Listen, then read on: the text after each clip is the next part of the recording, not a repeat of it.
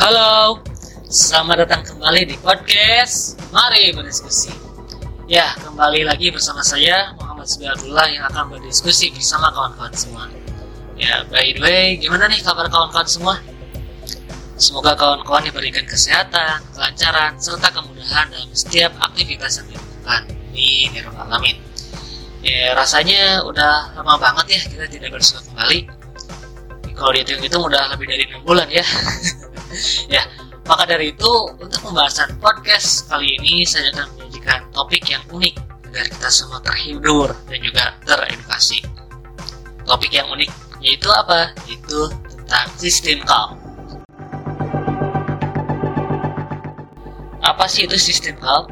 Ya, sistem call adalah sistem panggilan ataupun sistem permintaan yang dibuat oleh program ke sistem operasi.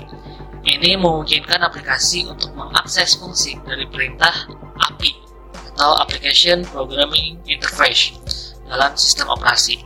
Panggilan sistem ini melakukan operasi tingkat sistem operasi yang tinggi seperti komunikasi antar pelangkat keras ya seperti handphone dengan handphone, laptop dengan laptop, radio, televisi.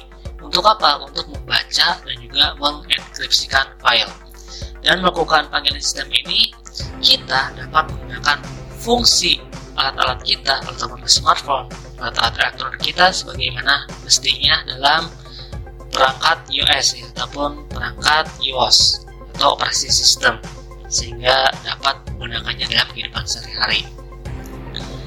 Hmm, mungkin teman-teman ataupun kawan-kawan semua bingung ya ataupun masih remang-remang meraba sistem call ini maka dari itu kita cukupkan saja pembahasan sistem call secara IT ini. Ya kini kita beralih pada pembahasan sistem call yang secara nyata kita alami secara nyata kita lakukan setiap hari. Apa kawan-kawan tahu? pasti tahu dong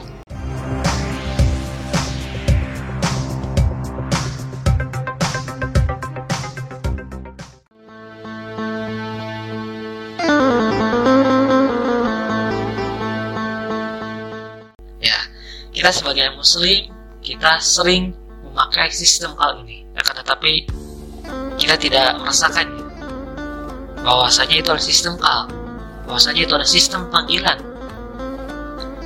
Apa sih? Ya ini sistem call yang setiap muslim lakukan adalah sistem panggilan. Yaitu kita melaksanakan panggilan-panggilan dari sang pencipta bahwasanya Allah Subhanahu wa taala melakukan tiga macam panggilan setiap hari kepada hambanya. Jadi ada tiga macam sistem yang kita rasakan, yang kita laksanakan setiap harinya. Ya, yang pertama adalah panggilan untuk mendirikan sholat. Ya, panggilan ini sering kali dinamakan sebagai panggilan yang lembut dari sang pencipta. Karena kita dipanggil oleh Allah Subhanahu wa taala secara lembut ya setiap hari minimal lima kali ya di sini. Itu panggilan dalam melaksanakan sholat. Allah Subhanahu Wa Taala memanggil kita lima kali sehari untuk bertemu dan berkomunikasi dengannya. Panggilan ini hakikatnya dilaksanakan oleh muazin akan tetapi sebenarnya panggilan ini panggilan langsung dari Allah Subhanahu Wa Taala kepada hambanya. Untuk apa? Untuk mencapai kebahagiaan ya kita tahu bahwasanya sholat adalah ibadah yang utama. Dan sholat adalah tak ukur dari tercapainya kebahagiaan.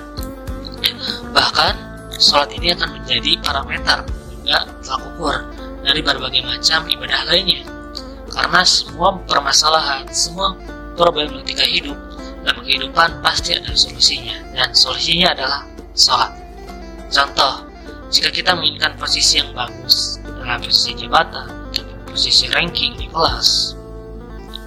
Kita sebaiknya melaksanakan sholat tahajud. Ya sholat tahajud ini uh, kemuliaannya itu uh, manfaatnya ya. Sholat tahajud ini manfaatnya untuk uh, kemuliaan dalam posisi. Lalu jika kita menginginkan rezeki rezeki kita dilimpah ruahkan oleh sang pencipta maka kita melaksanakan sholat duha. Lalu jika musim kemarau tidak ada hujan kita menginginkan air, maka kita melaksanakan sholat istisqa dan lain sebagainya. Lalu yang kedua, yaitu panggilan Allah kepada hambanya yang yaitu panggilan untuk menunaikan ibadah haji dan umroh. Panggilan ini diutamakan ataupun diharuskan kepada hambanya yang mampu. Untuk apa? Untuk hadir ke rumah Allah, yaitu di Mekah Harum Mukarramah untuk melaksanakan tawaf dan haji di Mekah di sana ya. E, sebuah kenikmatan yang luar biasa. Ketika seorang hamba yang hina, yang tidak ada daya dan upaya menjumpai dan juga menunaikan ibadah di rumahnya yang mulia yaitu di Ka'bah ya langsung di sana. Dengan bersama seluruh saudara seiman di seluruh penjuru dunia kita beribadah di sana. Dan ini itu merupakan kenikmatan yang luar biasa dan bagi teman-teman ya dan bagi kawan-kawan muslim yang belum berkesempatan hadir secara fisik ke sana maka Allah Subhanahu wa taala juga memberikan kesempatan untuk mendapatkan pahala haji umroh yang sempurna itu melaksanakan sholat isyrok. Lalu yang ketiga itu ada panggilan yang pasti, panggilan yang pasti yaitu kematian. Kematian ini adalah pasti ya kawan-kawan, baik itu manusia, hewan, tumbuhan, seluruh makhluk yang bernyawa pasti akan menjumpai ajalnya, suka maupun tidak suka, siap maupun tidak siap, maka harus siap karena ajal ini datangnya pasti. Ya, kematian adalah pintu yang pasti yang akan dilewati oleh kita semua. Dan terpenting adalah bakal terbaik bertakwa yang harus tersedia. Sehingga kita akan happy ending. Tamat dengan happy ending. Meninggal dengan keadaan husnul khotimah. Amin ya alamin. Ya, tadi saya udah nyinggung-nyinggung nih tentang sholat saya juga mau ngingetin nih kepada kawan-kawan uh, jika lo ada yang lupa ya barangkali ada yang lupa atau bahkan ya belum tahu dan di sini saya akan menjelaskan keutamaan sholat ya bahwasanya sholat adalah ibadah yang menjadi syarat utama syarat awal diterimanya ibadah-ibadah yang lain. Ketika sholatnya baik maka baik pula amal-amalnya. Bahwasanya Rasulullah SAW bersabda hadis Tirmizi ya 413 bisa dicari di hadis penting At-Tirmizi. Semuanya Rasulullah SAW bersabda yang artinya sesungguhnya amalan pertama yang dihisab dari seorang hamba di hari kiamat nanti adalah sholatnya. Jika baik sholatnya maka beruntunglah dan juga berhasillah dia. Dan apabila rusak sholatnya maka celaka dan merugilah dia. Nah, di sini sudah ada poin yang sangat inti bahwasanya sholat adalah tolak jika seseorang berhasil ataupun baik dan benar sholatnya maka dia akan berhasil. Dia akan beruntung.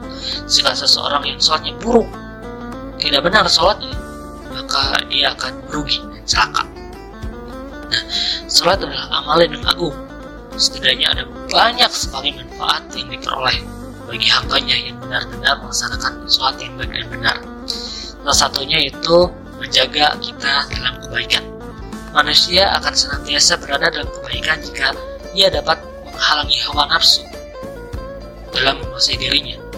Nah, hawa nafsu ini adalah bagian diri yang mengarahkan kepada kedurhakaan.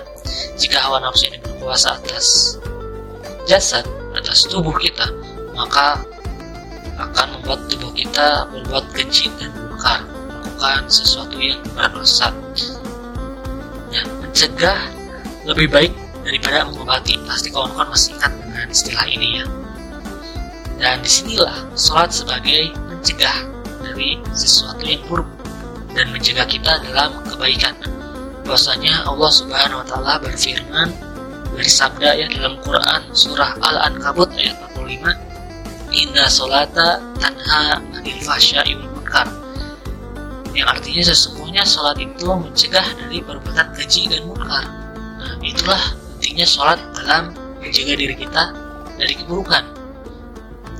Menjaga sholat ini dengan melaksanakan sholat sesuai dengan ketentuan dan berdasarkan sunnah-sunnah dari Rasulullah SAW. Nah, lalu yang manfaat yang kedua yaitu menenangkan hati. Semua orang ingin hidup tenang dan tempat ketenangan yang mutlak adalah ada di hati. Jika hatinya tenang maka hidupnya akan tenang juga. Jika hatinya penuh gundah gulana maka hidupnya tidak tenang ya teman-teman ya walaupun banyak faktor luar yang hal-hal yang lain sholat ini menjanjikan ketenangan hati bagi orang-orang yang melaksanakannya dengan benar nah, sholat adalah bentuk zikir tertinggi karena di dalamnya terakumulasi dengan segala bentuk ibadah seperti membaca Al-Quran, doa, dan juga zikir. Ya Allah Subhanahu wa taala berfirman bersabda dalam Quran surat Al-Rod ayat 28 yang artinya ingatlah bahwasanya ingatlah bahwa hanya dengan ingat Allah, Allah hati akan selalu tentram. Nah, jika kita mengingat Allah, maka hati kita akan senantiasa tenang dan tentram. Lalu yang ketiga, saat ini sebagai sarana curhat terbaik. Tiada curhat terbaik kecuali kepada curhat kepada sang pencipta alkoholik. Ya saat menyampaikan hajat ataupun keinginan kita kepada sang pencipta kita perlu merasa malu jika hajat kita terlalu tinggi atau terasa mustahil. Karena bagi Allah bagi sang pencipta tidak ada yang mustahil baginya. Teman-teman pasti masih ingat kan tentang cerita Nabi Zakaria alaihissalam ada yang masih ingat? Ya di sini saya ingin ingatkan kembali ya. Nabi Zakaria alaihissalam ini adalah Nabi Allah yang pada saat usianya sudah tua sudah berbaya dia belum dikaruniai keturunan belum dikaruniai anak maka Nabi Zakaria ini bermunajat kepada Allah sholat minta kepada Allah bahwasanya dia menginginkan anak. Tak kala usianya sudah tua renta istrinya juga sudah tua renta dan bahkan difonis mandul oleh kaumnya sendiri oleh tetangganya oleh orang-orangnya sendiri. Karena Allah ini maha pencipta maha penyayang maka dikabulkanlah permintaan Nabi Zakaria salam ini karena tiada yang mustahil bagi Allah Subhanahu wa taala. Dan lahirlah Nabi Yahya alaihissalam seperti itu kawan-kawan. Lalu yang keempat dan kelima adalah kunci kesuksesan dan juga kunci kebahagiaan. Ya sholat yang khusyuk adalah kunci kesuksesan dan juga kebahagiaan di dunia maupun di akhirat. Allah subhanahu wa ta'ala berfirman dalam Quran surah Al-Mu'minun ayat 1 sampai ayat 2 ya, yang artinya sungguh beruntunglah orang-orang mukmin yaitu orang-orang yang khusyuk dalam sholatnya Nah, di sini orang mukmin ini adalah orang yang khusyuk dalam sholatnya. Bagi kawan-kawan yang belum khusyuk sholatnya, yang belum benar bacaan sholatnya, yang belum benar gerakannya, maka perbaikilah. Karena kita harus khusyuk untuk meraih kesuksesan dan juga kebahagiaan di dunia dan di akhirat. Di sini sudah rangkum semuanya dan ini hanya sebagian kecil dari manfaat dari saat ini. Ada lima manfaat dan itu sangatlah berdampak bagi kehidupan kita. Nah, kawan-kawan podcast mari berdiskusi, banyaknya manfaat sholat bagi hidup kita hendaknya tak membuat kita merasa rugi untuk meluangkan waktu dalam melaksanakan sholat. Sholat 10 menit, 20 menit, 30 menit itu tidak ada apa-apanya. Dengan dibandingkan dengan manfaat yang akan kita raih nanti. Mengikuti sholat yang baik dan benar yaitu dengan cara mengikuti sholat menurut sunnah. Sunnah Rasulullah SAW. Dan terus belajar untuk menyempurnakan sholat. Bisa bertanya kepada ustaz lalu kepada haji kepada orang tua bagaimana sih cara sholat yang ini bisa tanya langsung ke dosen ataupun tanya ke guru agama kalian ya nah uh, kita sudah berbincang, sudah berdiskusi lebih dari 15 menit ya kawan-kawan. Nah, maka dari itu jangan lupa untuk terus mengikuti episode-episode terbaru dari podcast Mari Berdiskusi. Karena nantinya saya akan membawakan episode-episode spesial yang pastinya menarik untuk dibahas. Yang tak melulu tentang kesehatan, saya nanti akan membahas tentang hal-hal lain. Ya, bagi kawan-kawan yang ingin memberikan masukan dan saran, bisa melalui kontak media sosial saya yang sudah terpampang di samping podcast ini. Ya, semoga kita semua selalu dalam keadaan sehat dan terhindar dari segala penyakit. Ya, mohon maaf ya ada kesalahan ataupun suaranya kurang jelas. Sampai berjumpa lagi di episode selanjutnya.